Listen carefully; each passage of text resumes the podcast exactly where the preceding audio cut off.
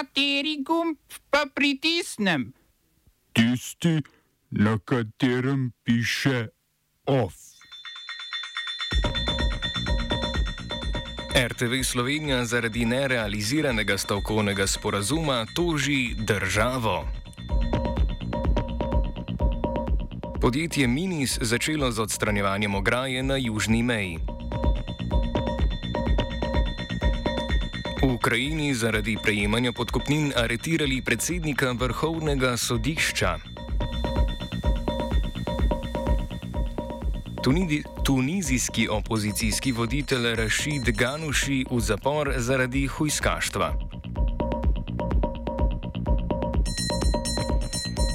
Prvostopensko sodišče v Tunisu je obsodilo predsednika tunizijske opozicijske stranke Enahda Rašida Ganušija na eno leto zapora in 300 evrov globe za delovanje proti državni varnosti. Ganušija je policija aretirala prejšnji mesec potem, ko je izjavil, da bi brez njegove stranke in drugih političnih sil prišlo do državljanske vojne in da so policisti tirani. Izjavo je državni tožilec prepoznal kot hujskaško. Ganušjeva aretacija je del pogroma nad opozicijo, ki ga je tunizijski predsednik Kais Said izvedel po januarskih splošnih volitvah. Volitve so državljani na pozive opozicijskih strank in gibanj bojkotirali. Lani je Said s premembo ustave utrdil predsedniško oblast in prepovedal strankarske kandidatne liste na volitvah. Oblast je z državnim udarom prevzel poleti 2021.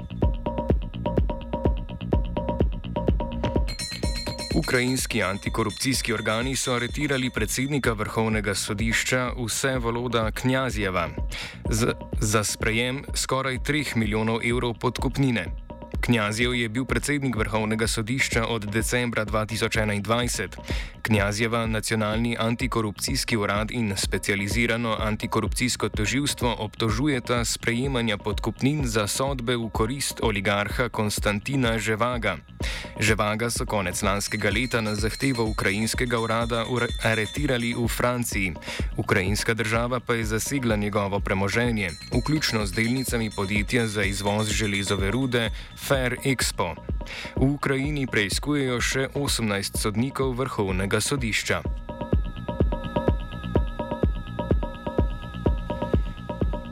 Češko-Moravska konfederacija sindikatov je napovedala stavko v primeru, da češka vlada ne bo omilila načrtovanih vrčevalnih ukrepov. Stavka ne bi pomenila popolne ustavitve dela, ampak bi delavci opravljali samo minimum.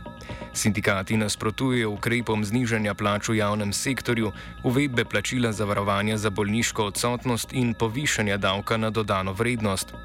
Paket ukrepov je vlada predstavila prejšnji četrtek, skupaj z njim pa je napovedala tudi pokojninsko reformo, ki predvideva dvig upokojitvene starosti z 65 na 68 let. Država bi z ukrepi predvidoma znižala proračunske izdatke za okrog 4 milijarde evrov v letu 2024. Če bo parlament ukrepe potrdil, bodo začeli veljati začetkom naslednjega leta. V konfederaciji sindikatov kritizirajo vrčevalne ukrepe kot uperjene proti zaposlenim in njihovim družinam. Po besedah predsednika konfederacije sindikatov Josefa Stržedole bi se prihodki družine znižali za 4000 evrov letno. Premijer Peter Fjala je sindikate označil za neodgovorne in dejal, da bo vlada z ukrepi nadaljevala kljub sindikalnemu nezadovoljstvu. Expo. Evropska komisarka za inovacije, raziskave in kulturo Marija Gabriel je odstopila z položaja komisarke, da bi sestavila vlado v Bolgariji. Mandat za sestavo vlade je podelil predsednik Rumen Radev na pobudo relativne zmagovalke volitev Državljani za evropski razvoj Bolgarije. Stranka Bojka Borisova ni uspela sestaviti vlade po aprilskih volitvah, prav tako ne druge stranke.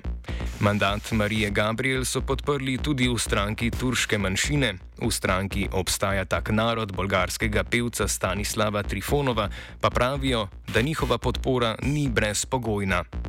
Tri stranke imajo skupaj v parlamentu 116 poslanskih glasov, kar je pet manj od potrebne večine. Bolgarska socialistična stranka je od pogajanj za sestavo vlade odstopila, drugo vrščena koalicija strank Nadaljujemo spremembe in Demokratična Bolgarija pa sestave vlade pod vodstvom državljanov za evropski razvoj Bolgarije že od začetka ne podpirata. Če oblikovanje koalicije še enkrat spodleti, lahko predsednik skliče nove volitve, šeste v zadnjih dveh letih.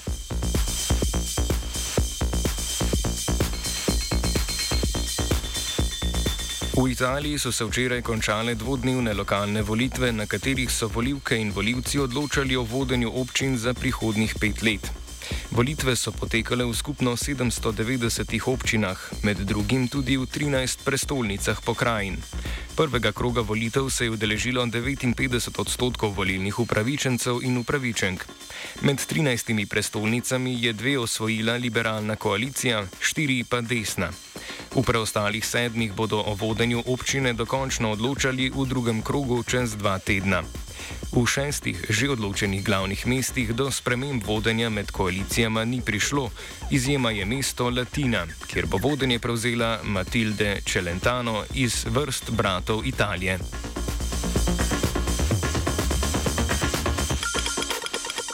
Amnesty International je objavil letno poročilo o usmrtitvah po svetu v lanskem letu.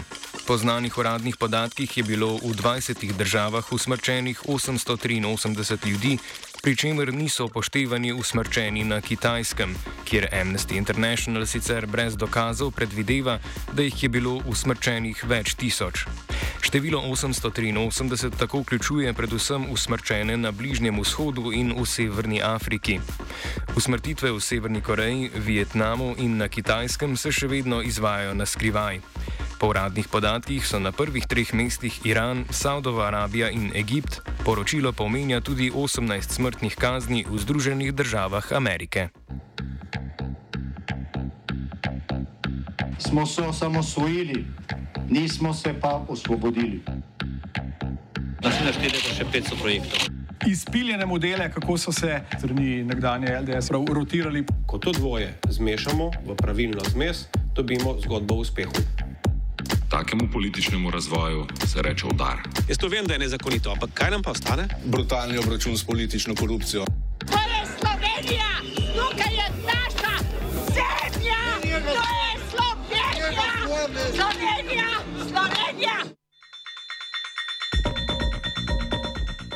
Vodstvo Radio Televizije Slovenija toži državo za nekaj manj kot 24 milijonov evrov za povrnitev višjih stroškov dela.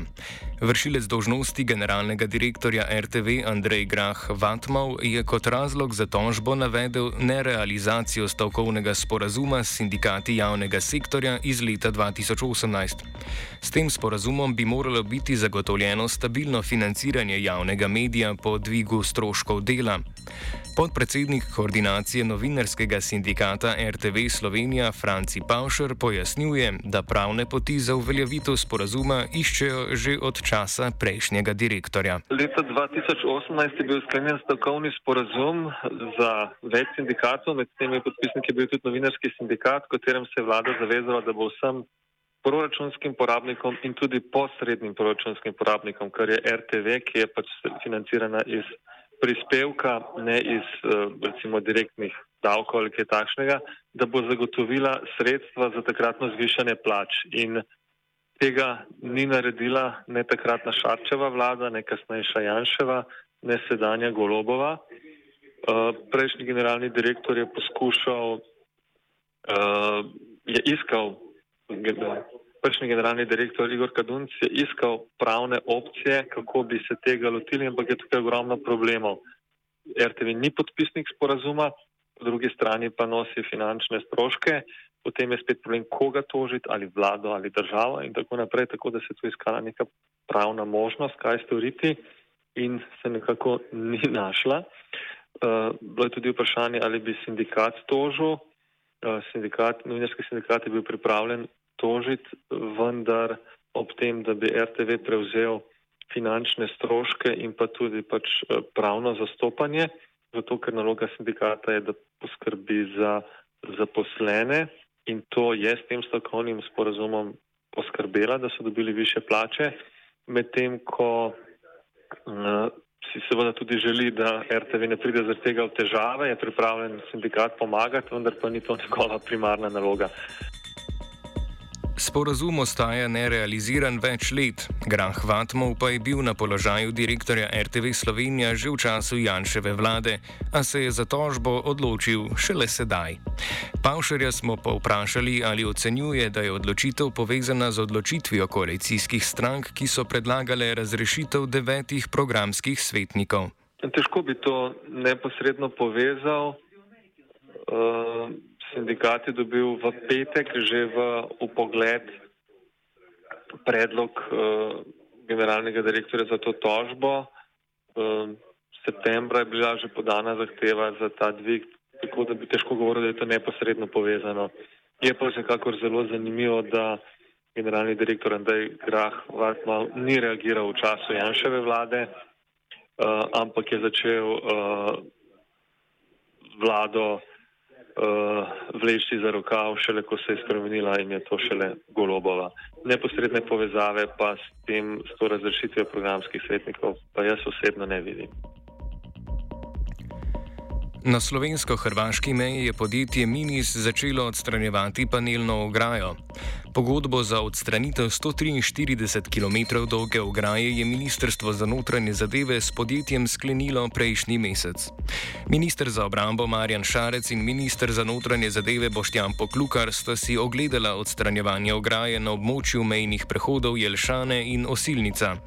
Odstranitev ograje na južni meji, ki jo je leta 2015 dala postaviti vlada Mira Cerarja, je bila predvolilna obljuba Roberta Goloba. Žico bi morali odstraniti do konca lanskega leta, poklukar sedaj obljublja odstranitev do konca letošnjega. Osta pripravila vajenec Matej in Blaž.